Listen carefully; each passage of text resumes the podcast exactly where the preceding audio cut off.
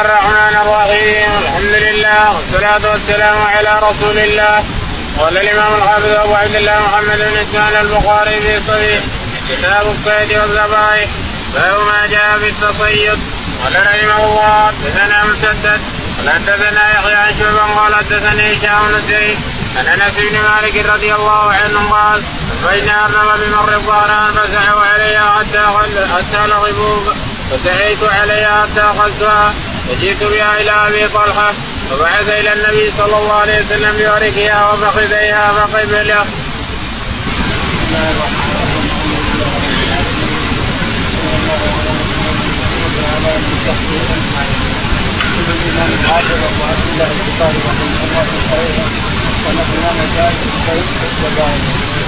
الله مجال الصيد ما جاء في التصيد.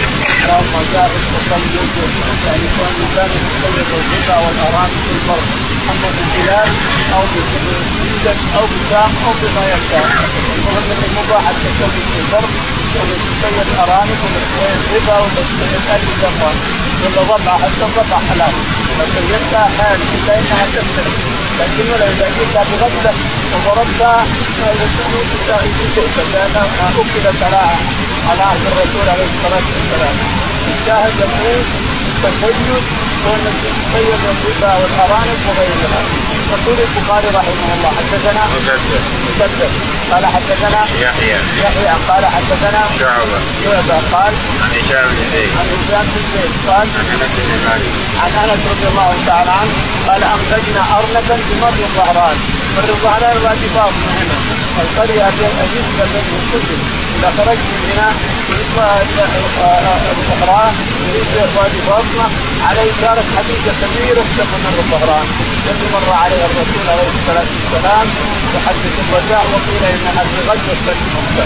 قيل انها فتح مكة وقيل انها في حجة الوداع. ان ارنبا ارنبا.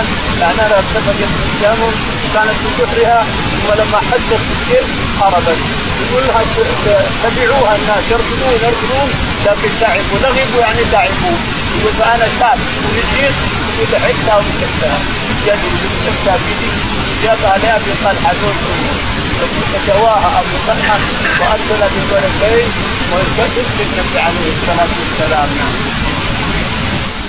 قال رحمه الله حدثنا إسماعيل قال حدثني مالك عن ابي النضر مولى عمر بن عبيد الله ابي مولى أبي قتادة عن أبي قتادة رضي الله عنه أنه كان مع رسول الله صلى الله عليه وسلم حتى إذا كان بيقضي طريق مكة تقلب مع أصحابه له محرمين وهو غير محرم فرأى حمار وهيا فاستوى على ورثه ثم سأل أصحابه أن يناوله صوتا فابوا وأتى الأمر معه فابوا؟ فأخذه ثم شد على الحمار فقتله فأكل منه بعض أصحاب رسول الله صلى الله عليه وسلم وأبى بعضهم فلما أدركوا رسول الله صلى الله عليه وسلم سألوا عن ذلك فقال إنما هي طعمة أطعمكم الله. البخاري رحمه الله باب تابع الباب. تابع حدثنا إسماعيل.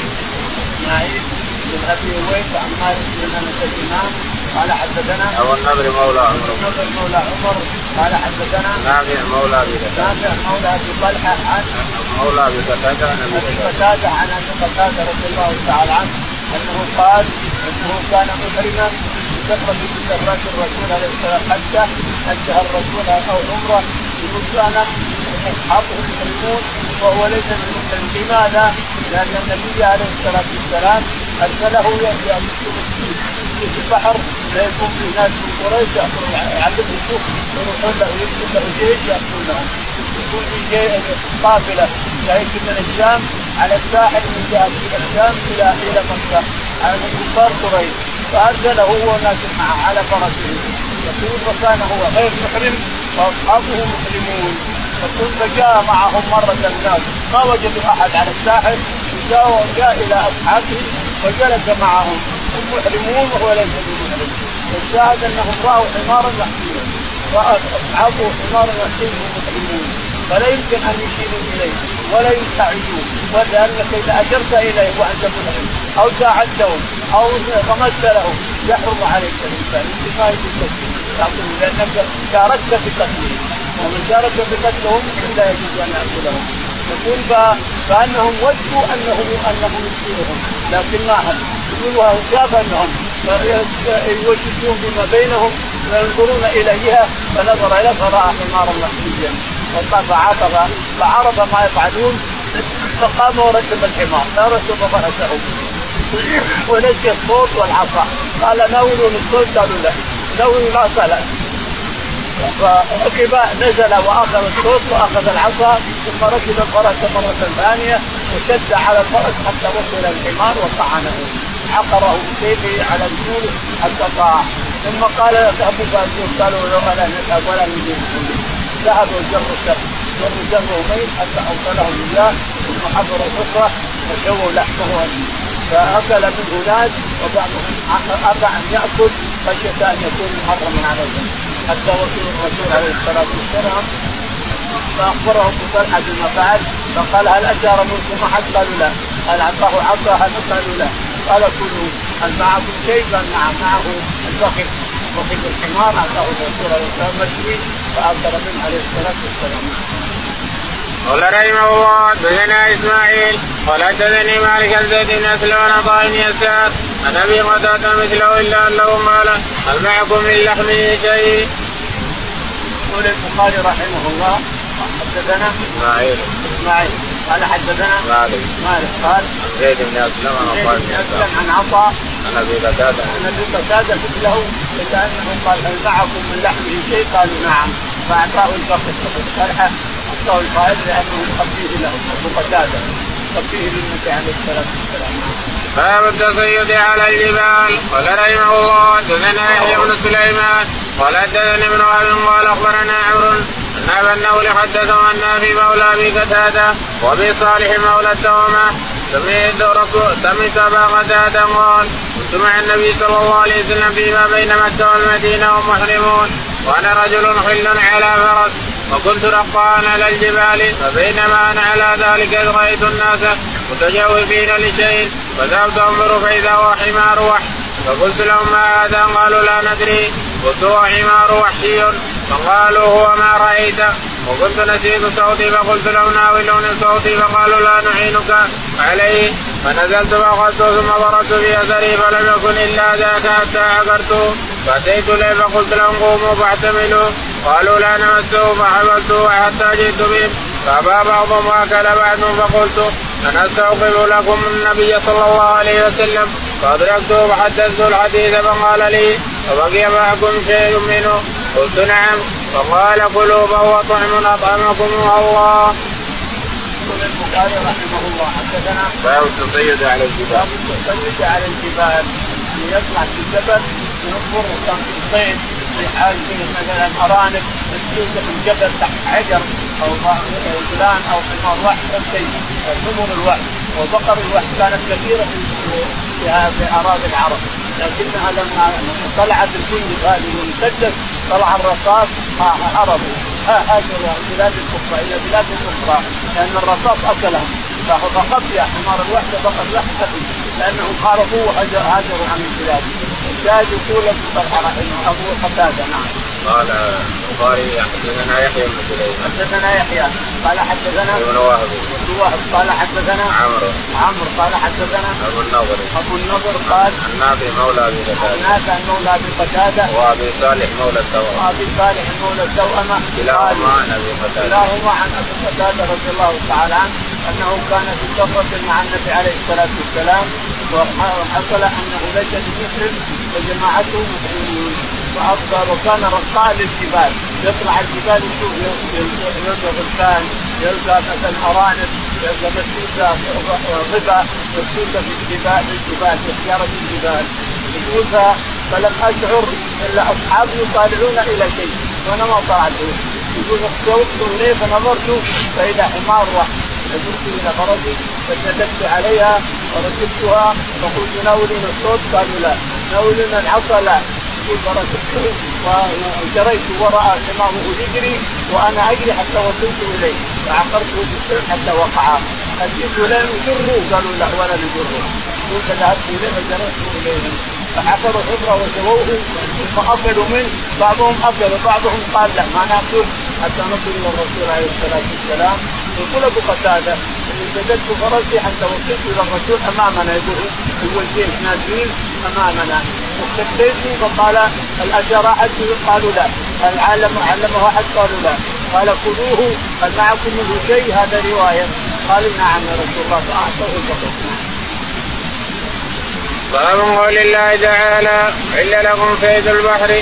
قال عمر صيده مصيده وطعامه ما رمى به. قال أبو بكر الطافي حلال. وقال ابن عباس طعامه ميتته إلا ما قدرت منها. والدري لا تاكله اليهود ونحن ناكله وقال شريح صاحب النبي صلى الله عليه وسلم كل شيء في البحر مقبول قال أتى أما الطير فأرى أن يذبحه. قال ابن جريج قلت لأبا صيد الأنهار وغلات السيل وصيد بحر؟ وقال نعم. ثم تلا هذا عزم فرات وهذا ملح نجاج. ومن كل تأكلون لحما طريا وركب الحسن رضي الله عنه لا ترجم من جلود كلاب الماء. وقال الشعبي لو أن أهلي اكلوا الضفادع على طعمتم ولم يرى الحسن بالسلحفاه بأسا. وقال ابن عباس كل من صيد البحر نصراني أو يهودي أو مجوسي. وقال أبو الدرداء في المري ذبح الخمر النينان والشمس. يقول البخاري رحمه الله باب صيد البحر. انتهينا من صيد البر ناتي صيد البحر. هو حلال كل ما طفى على وجه الأرض نعم حلال. كل ما طفى على وجه الأرض. إلا أن هناك أشياء كبيرة يستخسرها الإنسان التمساح يأكل الناس ومعناها أنه ما يؤكل السلحفاه تاكل الناس ومعناها أنها ما تؤكل على إن الحسن يقول إنها حلال يقول إنها حلال. يقول البخاري رحمه الله حدثنا؟ وقال عمر صيده مقصود. وقال عمر صيده مقصود مقصود به. صيد البحر ما اطلع عنه وانقطع عنه أو صيد بوقته بوقت ما أو طلع عنه وقد كتب صيده هو حلال كل ما على وجه البحر طفى به البحر. على البر أو وقته قد فهو حلال. وطعامه ما رمى به. وطعامه ما رمى به. طعام البحر ما رمى به. الا لكم صيد البر وطعامه البحر وطعامه ما رمى به. وطعامه ما رمى به. ما رمى به به وقال أبو بكر الصافي حلال. وقال اللحم الطافي حلال. اللي يطلع من البحر.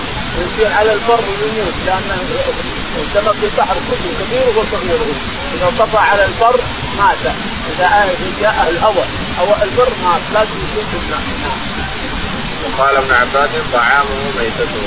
وقال ابن عباس طعامه ميتته. مثل طعام اليهود؟ فطعامهم مثل لكم. يعني ذبح إلا ما قدرت إلا ما قدرت. يعني كره كره اكله الإنسان. مثل السلحفاه ومثل الفار ومثل الجربي ومثل قد تستكبر الإنسان. يعني حلال حتى لو كثرته أنت قد ياكل الباقي. والجري لا تأكل اليهود ونحن نأكله. والجري ما تأكل اليهود ونحن نأكله. يعني إذا استقربت شيء الإنسان سواء اليهود يأكلون أو ما يأكلون فأنت حر بكونك ما تأكله. لأن الله أباح لك تأكل من ما اباح الله لك. ما تاكل ما تاخذ على هذا. وقال شريح صاحب النبي صلى الله عليه وسلم كل شيء في البحر مذبوح يقول شريح. صاحب النبي صاحب؟ صاحب صاحب إيش؟ صاحب النبي صاحب النبي عليه الصلاة والسلام نعم. كل شيء في البحر مذبوح كل شيء في البحر فهو حلال نعم. وقال عطاء أما الطير فارى أن يذبح. ما فهمت اللفظة. وقال شريح أيوه نعم. صاحب النبي. صلى الله صاحب النبي صلى الله عليه وسلم. كل شيء في البحر. قال شريح صاحب النبي يحكي عن صحابة الرسول. كانه يحكي عن يعني ما جاب ما جاب سنة قال شريح صاحب النبي عليه الصلاة والسلام يقول كل ما وجد في البحر يؤكل ما هو لفظ. ما هو لفظ. مستقيم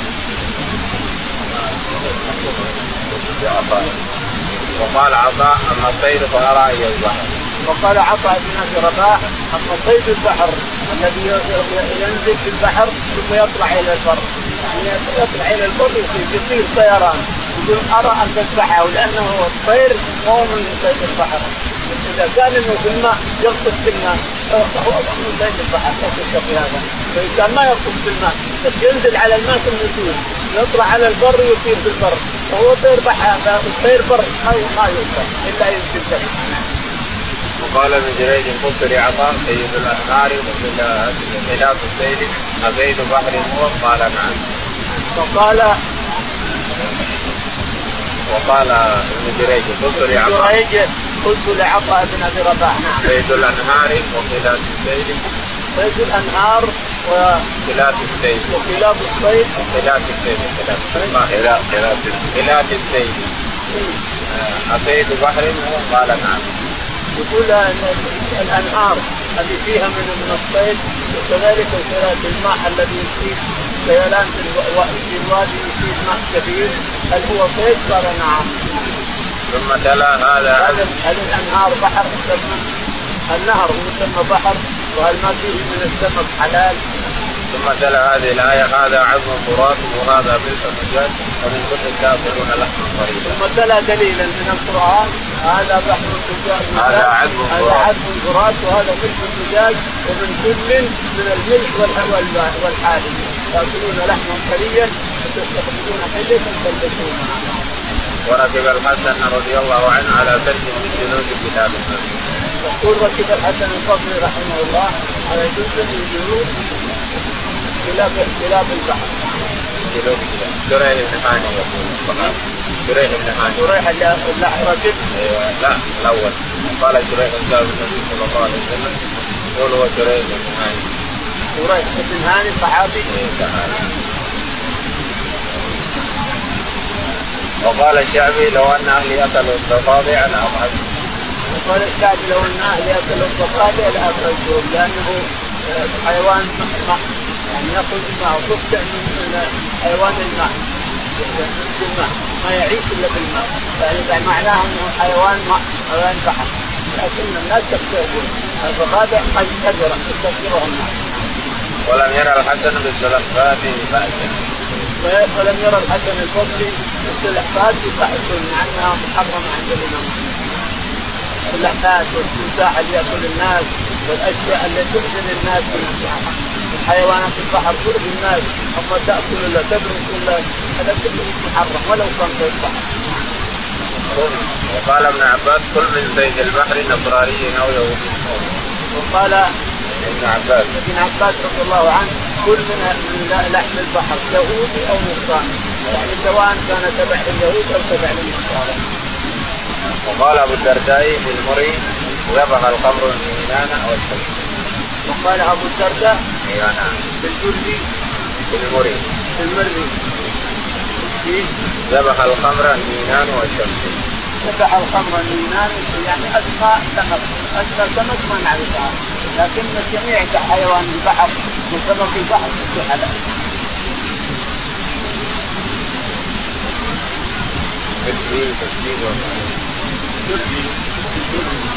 قال رحمه الله حدثنا مسدد قال حدثنا يحيى ابن جريج قال أخبرني عمرو أنه سمع جابر رضي الله عنه يقول غزونا جيش الخبط وأمر أبو عبيدة فجعنا جوعا شديدا فاما البحر حوتا ميتا لم ير مثله وقالوا له العنبر فأكلنا منه نصف شهر. فأخذ أبو عبيدة عزما من عظامه فمر الراكب تحته. يقول البخاري رحمه الله حدثنا. مسدد قال حدثنا. يحيى. يحيى قال حدثنا. ابن جريج بن جريج قال حدثنا. عمرو بن دينار. عمرو عمرو بن دينار قال. عن جابر بن عن جابر رضي الله تعالى عنه. قال إن الرسول عليه الصلاة والسلام أرسلنا سريه أن على ارسال البحر والبحر وامر أبا عبيده بن الجراح رضي الله عنه. يقول فجعنا وصار يقسم علينا تمرات تمرات ثم بقي الا تمره واحدة. تأتينا على تمره نصفها نصف لكننا لما وصلنا البحر رزقنا الله بلحم. عنبر وجدناه طافي على البحر على البر. فأكلنا وشبعنا وازدهرنا ورجع إلينا عيننا وقوتنا رجعت إلينا لما اكلنا من شحم يقول جاء أبو عبيدة رضي الله تعالى عنه ببضع من أضلاعه هو مرتبه على الأرض. ثم جاء باكبر إنسان. اكبر إنسان واكبر ناقة وجعله فمر من تحت البلع تحت من حزبه ثم العنبر. اخذنا عليه 15 يوما. حتى شبعنا وازدهنا ورجعت إلينا أنفسنا وحلنا وذهب الجوع عنا إلى آخره.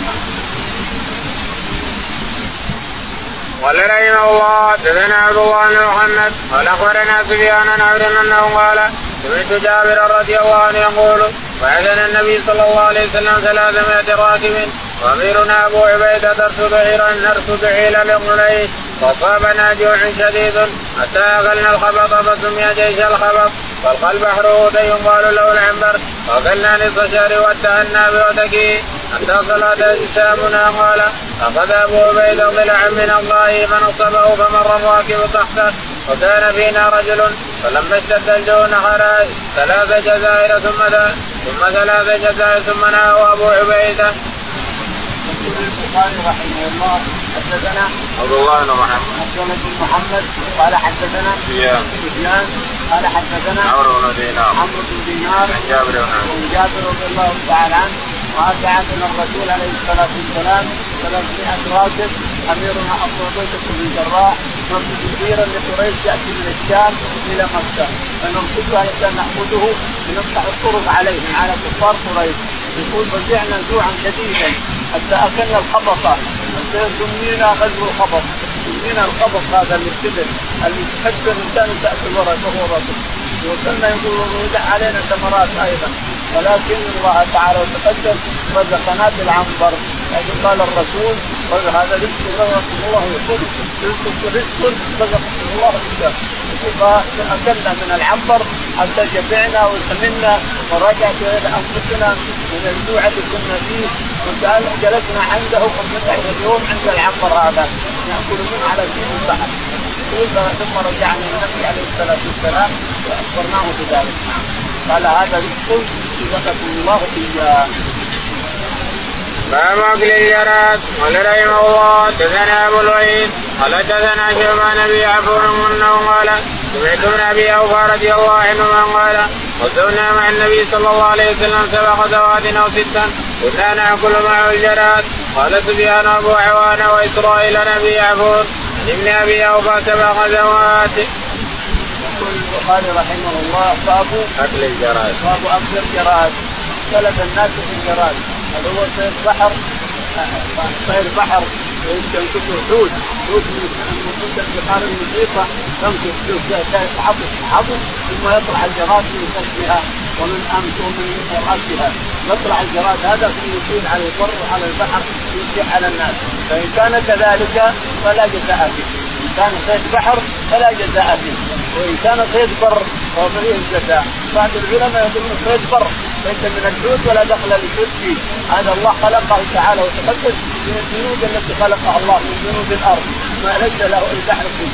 فإذا فإذا كان كذلك فمن قتله فعليه الجزاء.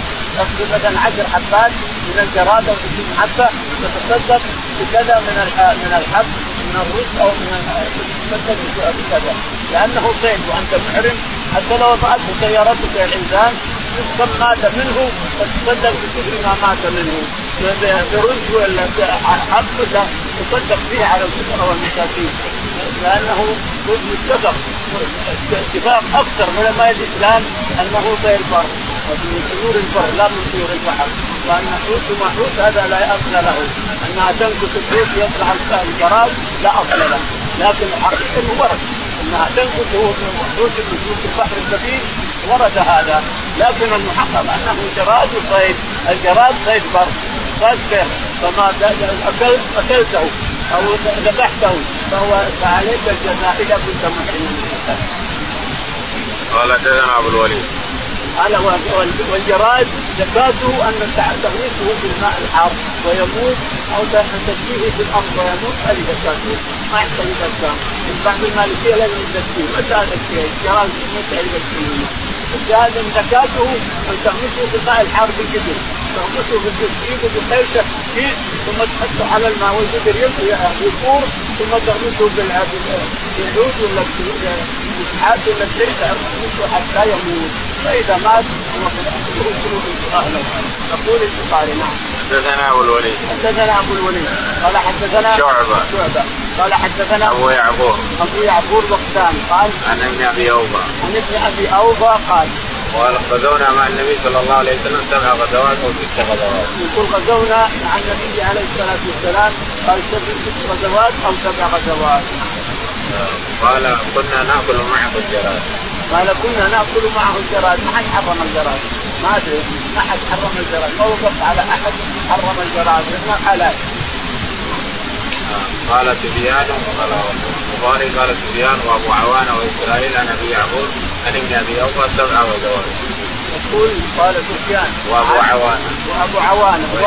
وإسرائيل. وإسرائيل. و... عن أبي يعقوب عن ابن ابي يعقوب عن ابن أبي أوفى. ابن أبي أوفى. سبع غزوات غزونا مع النبي عليه الصلاة والسلام. وإذا جاءوا اخذوا الجراد يصلون. باب آنية المجوس والميتة. قال رحمه الله حدثنا أبو حاتم خيبة بن شريك قال حدثني ربيعة بن يزيد الدمشقي قال حدثني أبو إدريس الخولاني قال حدثني أبو ثعلبة الخشني رضي الله عنه قال أتيت النبي صلى الله عليه وسلم فقلت يا رسول الله أنا بأرض أهل الكتاب فنأكل في انيتهم وبأرض زيد نصيد بقوسي وأصيد بكلب المعلم وبكلب الذي ليس بمعلم. فقال النبي صلى الله عليه وسلم اما ما ذكرت أنك بأرض أهل كتاب فلا تأكلوا في انيتهم إلا أن لا تجدوا بدا وإن لم تجدوا بدا فاغسلوها وكلوا وأما ما ذكرت أنكم بأرض صيد فما صدت بقوسك فاذكر اسم الله وكل وما صدت وما صدت بقلبك المعلم فاذكر اسم الله وكل وما صدت بقلبك الذي ليس بمعلم فأدركت زكاته فكله. يقول البخاري رحمه الله باب آنية المجوس والميتة آنية المجوس وأهل الكتابين النصارى واليهود يقول والميتة. والميتة. والميتة. يقول حدثنا أبو عاصم. أبو عاصم النبي قال حدثنا حيوة بن شريح. حيوة بن شريح. قال حدثنا ربيعة بن يزيد. ربيعة بن يوسف قال حدثني أبو ذيك القولاني. قال حدثني أبو ادريس القولاني. قال عن أبي ثعلبة عن ابي الخشني ثعلبة الخشني أبو ادريس الشامي وابو ثعلبة الشامي. والسند هذا فيه شامي يقول أبو ثعلبة رضي الله عنه أنه أتى النبي عليه الصلاة والسلام في المدينة فسأله قال إنا بأرض قوم أهل الكتاب. فنأكل بأنيتهم ونشرب بأنيتهم وإن وإن بأرض صيد. يصيد بالكلاب يا رسول الله. أحيانا ي- ي- يصيد الكلب ونأكله وأحيانا يصيد مع الكلب آخر وأحيانا كذا ومعنا القوس أيضا ونصيد بالقوس أيضا. فقال عليه الصلاة والسلام أما ما ذكرت لأنك لأهل أرض الكتاب اليهود والنصارى فإنك إذا لم تجد آنية غير آنيتهم فاغسلوها وكلوها لأنهم يأكلون الخنزير ويأكلون المحرمات بأوانيهم فاغسلوها والماء يطهر السم. الماء يطهر السم. اغسلوا واغسلوا فيها إذا لم تجدوا غيرها. فما ما ذكرت من الصيد فما أمسك عليك فكل أمسك عليك الكلب فكل إلا إذا كان معه آخر. إذا سميت على كلبك وتركته ثم أمسك ولم يأكل فكل فإن أكل فلا تأكل كما مرنا في ليله الماضيه وما صدت بكلبك المعلم فاذكر اسم الله. وما شئت بكلبك المعلم فاذكر اسم الله عند عند ارساله إذا ارسلت الكلب بسم الله الرحمن الرحيم أو تقول بسم الله يكفيه اما امسك هو ولم يأكل فكل. فإن أكل فلا تأكل. وما صدت بكلبك الذي ليس بمعلم فأدركت زكاته فكل وما شئت بكلبك الذي ليس بمعلم فادركت زكاته مسكه الكلب كتب حتى وصلت إليه وهو حي يربد وذكره ذاك ما ذكرته فهو حلال. وإن مات بيد الكلب وهو غير معلم فلا تاكل قال رحمه الله حدثني المكي بن إبراهيم قال حدثني يزيد بن أبي عبيدة عن سلمة بن الأكوع رضي الله عنه قال لما أمسوا يوم فتحوا خيبر أوقدوا النيران. قال النبي صلى الله عليه وسلم على ما أوقدتم هذه النيران؟ قالوا لحوم الحمر الانسيه قال احريقوها احريقوا ما فيها. واكسروا قدورها فقام رجل من القوم فقال نريق ما فيها ونغسلها قال النبي صلى الله عليه وسلم اوزاك يقول البخاري رحمه الله حدثنا المكي بن إبراهيم. مكي بن إبراهيم قال حدثنا يزيد. يزيد. قال حدثنا سلمة بن الأكوع. مكي بن الأكوع. قال حدثنا وسلمة يقول لما امسوا يوم فتحوا خيبر اوقدوا النيران. يقول سلمة بن الأكوع لما فتحوا خيبر اوقدوا النيران على الخمور الأهلية. والنبي عليه السلام ما علم حتى رأى القدور قال ما هذه القدور؟ قالوا يا رسول الله حمر اهليه أيام من حمراء خيبر قال اطبعوا القدور اطبعوا القدور اطبعوا اللحم اللي في القدور واكسروا القدور قال له بعض الصحابة يا رسول الله أو نغسلها؟ قال أو ذاك أو اكسروها يعني اكوى اللحم اللي فيها حرام ولكن اكسروها بعد ذلك. نعم لأن الحمر نجسه باب التسمية على الذبيحة. ومن ترك متعمدا قال ابن عباس من نسي فلا بأس. قال تعالى ولا تأكلوا مما لم يذكر اسم الله عليه وإنه لفسق. والناس لا يسمى فاسقا وقولوا إن الشياطين ليوحون إلى أوليائهم ليجادلوكم. وإن أطعتموهم إنكم لمشركون. قال رحمه الله جزني موسى بن إسماعيل. قال حدثنا أبو عوانة سعيد بن مسروق عن عباد بن رفاعة بن رافع عن جده رافع بن خديج رضي الله عنه قال كنا مع النبي صلى الله عليه وسلم في الحليفة وأصاب الناس جوع فصرنا إبلا وغنما. وكان النبي صلى الله عليه وسلم في أخريات للناس فعجلوا فنصبوا القدور فدفع إليهم النبي صلى الله عليه وسلم. أمر بالقدور فأوفي ثم قسم فعدل عشرة من الغنم بعير. فنجى منها بعير وكان بالقوم خيل يسيرة وتغلبه باعياهم. فأوى إليه رجل بسام فأبى ثمودن فنزه بالقسم. فقال ما نرى الدم وذكر اسم الله عليه؟ فقل ليس السن والظفر وتخبركم عن أما السن عظم. وأما الظفر فبند الحبشة. يقول البخاري رحمه الله حدثنا باب التسمية على الذبيحة. باب التسمية على الذبيحة حدثنا ومن ترك متعمدا. ومن ترك الشرك متعمد لا يؤكل اللحم اللحم اللي ذبيحه عندك ولا سميت عليها عمدا لا لا تؤكل أما الناس فيؤكل لحمه ان ينسى أن يقول بسم الله وقد ذبح جائزه تاكل لحم الإنسان لأن النسيان معفو النسيان هو الامه عن الخطا والنسيان هم تكفيه عليه. اما فالناس يعتبر أنه حلال حلال ذبحه. أما اللي يترك تسمية الله عامدا على طلي ولا على غنم ولا على جمل فإنه حرام. لا يجوز لابد من ترك يقول مما ذكر اسم الله عليه. يذكر اسم الله عليه كله واللي ما يذكر اسم الله عليه لا تأكل. قال ابن عباس من نسي فلا بأس؟ قال ابن عباس رضي الله عنهما من نسي فلا بأس أن تأكل ذبيحته لأن الناس مغفور له. قال تعالى ولا قال تعالى ولا تاكلوا مما لم يذكر اسم الله عليه وإنه لفسق قال تعالى ولا تأكلوا مما لم يذكر اسم الله عليه وإنه لفسق والناس ليس فاسق وقال تعالى وإن الشياطين ليوحون إلى اوليائهم قال تعالى ان الشياطين ليوحون إلى اوليائهم يجادلوكم وإن أطعتموهم لمشركون. لمشركون. قال حدثنا موسى بن إسماعيل. حدثنا موسى بن إسماعيل. قال حدثنا أبو عوانة. أبو عوانة. قال حدثنا سعيد بن مسروق. سعيد بن مسروق الثوري قال حدثنا عباية بن رفاعة عباس بن رفاعة بن رافع. عن جده رافع بن خديج رضي الله تعالى قال كنا مع النبي صلى الله عليه وسلم بذي الحليفة. قال كنا مع النبي عليه الصلاة والسلام بذي الحليفة فحصل لهم كسبوا إبل وكسبوا غنم كسبوها من هنا وطاح الناس في الغنم لأنهم جعانين. فذبحوا ونصبوا القدور. لما أتى الرسول من الاخريات كان يمشي. فوصل اليهم ما هذا؟ قالوا ذبح غنم قال لا ما دام ما ضربت السهام ما يحل لكم.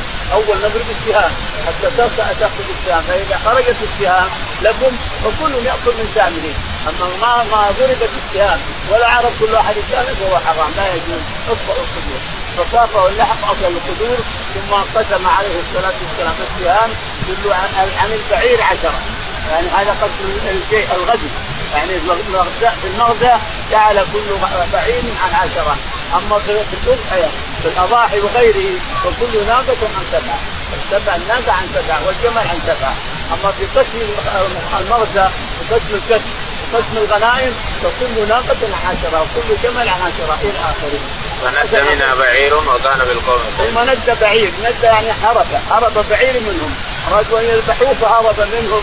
وعجزت الخيل ما عندهم إلا خيل يسيرة ولكن عجزت عنه لأنهم سبوه فأخذ واحد قوس فرماه بالنبل فرمى على كرشه. ضربه بكرشه فطلعت كرشه ووقع. قال يا من ناد هذه هذه الإبل لها اوابد يعني لها طبائع وعادات اوابد الصيد أو كوائد كوائد الوحش فما فما فعل فما فعل هذا ند والحاج هرب اذرفوا في الشام فما فانه يحدثه بإذن الله وكلوه نعم. عندنا الحين نكتب بالرصاص تضرب مسافه إلى أبعد من الكعبة إلى جدار الحرم هناك تضرب. الرصاص تضرب إلى جدار الكعبة هناك. الجلد الألماني هذا الطويل ماسورة خضراء. اللي ماسورتها خضراء أو زرقاء أحيانا. إذا ضربت بها يلقى نفسك بعيد. وقال جدي أنا لنرجو ونخاف أن نلقى العدو غدا وليس معنا مدن وقال له جدي يعني رفاعه بن يا رسول الله سنلقى العدو غدا وليس معنا مدن ما معنى التساكين نذبح أو نعمل أو نسلم فما تأمرنا؟ ونذبح بالقصب. ونذبح بالقصب؟ نعم القصب إذا انشق الجلد يكفي إنك تجلد بعود مدبب أو بقصبة مدببه أو بحجر تكسره ثم حده تلتح به كل هذا حلال. قال ما أنهر الدم وذكر اسم الله عليه فكل ليس السن والظفر إلا ليس إلا السن والظفر السن ما ما قال أحدثكم عن ذلك. أما السن فعظم. وأما الظفر فمود الحبشة. يعني أنهم يتركون اظفارهم حتى تطول ثم يخلقون بها الحيوانات خلقا. أصابع في حلقه أو هذا يعلمونه باب ما ذبح على النصب والاسنان قال رحمه الله. حدثنا معل بن قال حدثنا عبد العزيز يعني من المختار. قال أخبرنا موسى بن عقبة. قال أخبرني سالم. أنه سمع عبد الله يحدث عن رسول الله صلى الله عليه وسلم. أنه لقي زيد بن عمرو بن نفيل رضي الله عنه بأسفل فلتحن وذاك قبل أن يبذل على رسول الله صلى الله عليه وسلم الوحي. فقدم إليه رسول الله صلى الله عليه وسلم سفرة فيها لحم فأبى أن يأكل منها ثم قال إني لا أكل مما تذبحون على أنصابكم ولا أكل مما إلا مما ذكر اسم الله عليه.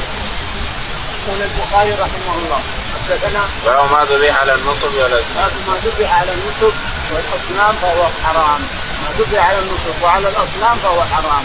إذا كان كفار انت في بلد كفار وذبحوا على النصب أو على أصنام أو على عظم معبوداتهم فلا تأكل انسان لأنه حرام لأنه شرك حرام يقول البخاري رحمه الله حدثنا معلم ناصر. معلم معلم ابن حسن. قال حدثنا عبد العزيز بن المختار. عبد العزيز بن المختار.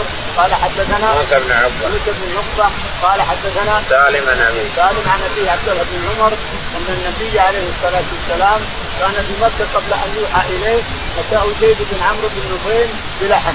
فقال خذ يا محمد كل قال لا أنا معكم ما تذبحون تذبحون أنتم يقول ما اكله هذا قبل أن اليه عليه الصلاة والسلام كان يحرم ما ذبح للاصنام والازلام يحرمه عليه الصلاة والسلام ولا ياكله قدم اليه زيد بن عمرو بن نفيل فرفض عنه باب قول النبي صلى الله عليه وسلم فليذبح على اسم الله. قال رحمه الله حدثنا قتيبة قال حدثنا أبو عوانة عن الأسود بن قيس عن جندب بن سفيان البجلي قال ضحينا مع رسول الله صلى الله عليه وسلم ضياة ذات يوم فاذا اناس قد ذبحوا ضحاياهم قبل الصلاه فلما انصرف راهم النبي صلى الله عليه وسلم انهم قد ذبحوا قبل الصلاه وقال من ذبح قبل الصلاه فليذبح مكان أخرى ومن كان لم يذبح حتى صلينا فليذبح على اسم الله. يقول البخاري رحمه الله باب الذبح على اسم الله يعني على التسمية على قول بسم الله. حدثنا قتيبة. قتيبة. قال حدثنا أبو عوانة. أبو عوانة قال حدثنا الأسود بن قيس. الأسود بن قيس قال عن جد بن سفيان البجلي جندب بن سفيان البجلي سفيان قال البجلي قال دخينا قال ضحينا مع رسول الله صلى الله عليه وسلم وضحية ذات يوم. يقول ضحينا مع الرسول عليه الصلاة والسلام ذات يوم. استعجل كثير من الناس فذبحوا قبل قبل الصلاة قبل صلاة العيد. ذبحوا ولكن صلى الرسول عليه الصلاة والسلام وبعدما صلى انسان وخطب سال رأى الناس كأنهم ذبحوا قبل الصلاة. قال من ذبح قبل الصلاة فليعد غيرها. ومن ذبح بعد الصلاة فليأكل بسم الله. هذا الشاهد. فليذبح. فليذبح بسم الله. اللي ذبح قبل الصلاة ما تجزي لازم تعيد غيرها. الإنسان تريدها تريدها ضحية. إذا ذبحت قبل أن يصلي الناس الجمعة العيد إذا ذبحت قبل أن يصلي الناس العيد عيد الأضحى. فأنت فإنك تعيد غيرها.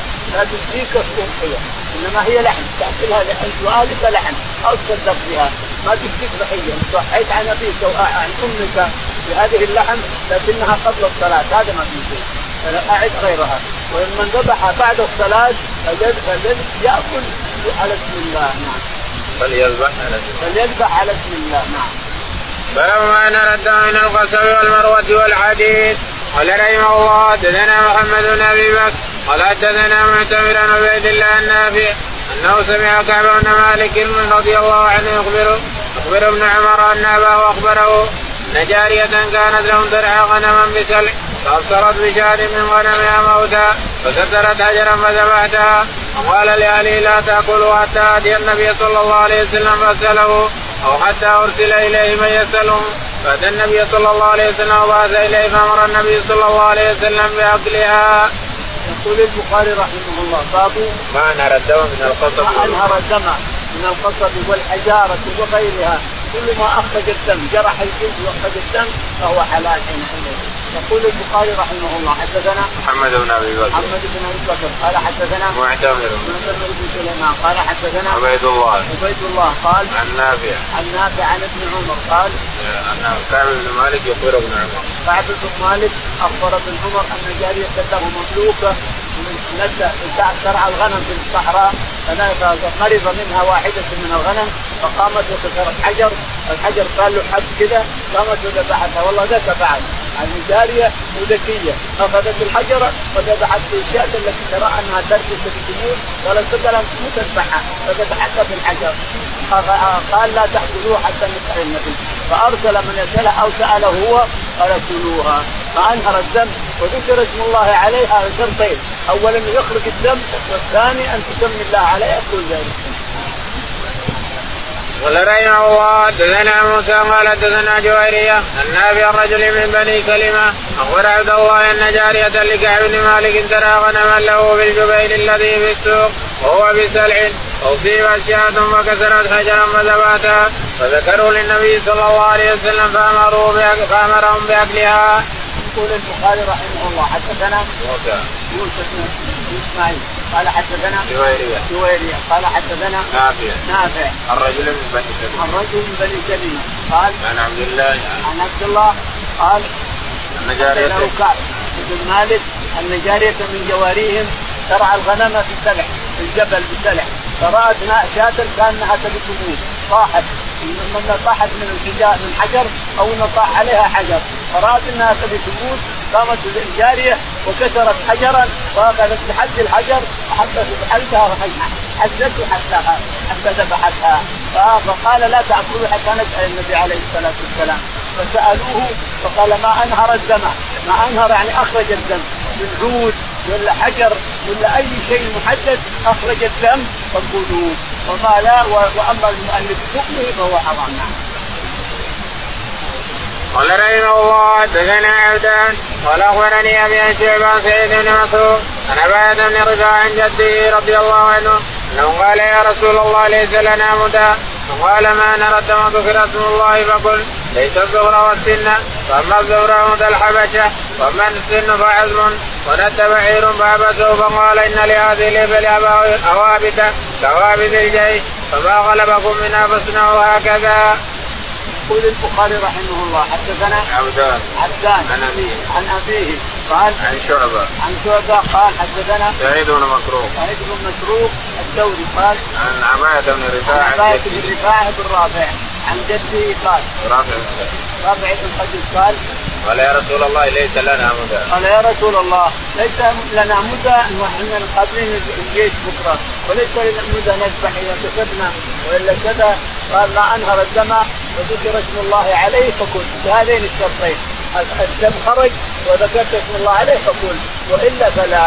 إذا لم تذكر اسم الله ولم ينهر الدم فلا تأكل. إذا حصل ذكر الله تعالى وتقدس بسم الله والله أكبر. ثم نحرته بقصبة أو بعود أو بحجر أو بأي شيء خرج الدم فكل باب ذبيحة المرأة والأمة. قال رحمه الله تزنى صدقة. قال أخبرنا عبدان بيت الله النافع عن ابن لكعب بن مالك نبي أن امرأة ذبحت شاة بحجر فاغسلها النبي صلى الله عليه وسلم ذلك. فأمر بأكلها وقال الليث حدثنا نافع أنه سمع رجلا من الأنصار يخبر عبد الله عن النبي صلى الله عليه وسلم أن جارية لكعب بهذا يقول البخاري رحمه الله حدثنا باب ذبيحة المرأة باب ذبيحة المرأة الفحل ان تذبح المرأة جاءت الاعمش امراه حائض قالت يا يا الشيخ بذبح شاة عندي وهي حائض تذبح شاة قال قال الاعمش لا لكن حرام ذبح انت امراه ومع هذا حائض تقول تذبح ما يمكن هذا. حرام ذبح حرام ذبحي قال قال نعم هذا الأعمش في حلقه يدرس الناس. فذهبت إلى عبد الرحمن بن أبي ليلى رضي الله عنه. فقالت يا شيخ أنا بذبح شاة عندي شاة بذبحها وهي حائض. فماذا تصنع؟ قال اذبحي يا حلال. حلال قال الشيخ هذا يقول حرام. قال فتركه. جاءت إلى الاعمش قالت إن الشيخ هذا يقول حلال اذبحيها يقول حلال فقام من المجلس وذهب إلى عبد الرحمن بن أبي ليلى. قال كيف تذبح المرأة؟ تذبح وهي حائض بعد وتذبح قال أنت حدثتنا. أنت حدثتنا أن النبي عليه الصلاة والسلام قال لعائشة ناولني الخمرة. قال يا رسول الله إنها حائض. قال الحيض ما ما يجي الحيض ما يجي الحيض في المكان المعلوم طاهره فما جسدها كله طاهر. ما عدا المكان اللي فيها الدم. أنت حدثتنا هذا أنتم الاطباء ونحن الصيادله يقول الأعمش أنتم الفقهاء الأطباء ونحن المحدثون الصيادله نعم. قال حدثنا صدقة. يقول حدثنا صدقة. صدقة. قال حدثنا عبده عبده قال حدث عبده قال حدثنا عبيد الله. عبيد الله. قال النافع عن ابن لكعب بن مالك. النافع عن نافع عن ابن لكعب بن مالك رضي الله عنه. أن جاريه لهم مرضت شاة معها اما أنها طاحت من الجبل أو ربطها حجر فرأت أنها تموت فكسرت حجرا فذبحتها. فسئل النبي عليه الصلاة والسلام قال كلوها ما انهر الدم كلوه قال رحمه الله دثنا إسماعيل قال دثني مالك النافي الرجل من الأنصار عن معاذ بن سعد أو سعد بن معاذ أخبره أن جارية لكعب بن مالك كانت ترى غنم بسله وأصيب شاة منها فأدركتها فذبحتها بحجر فسئل النبي صلى الله عليه وسلم فقال كلوها.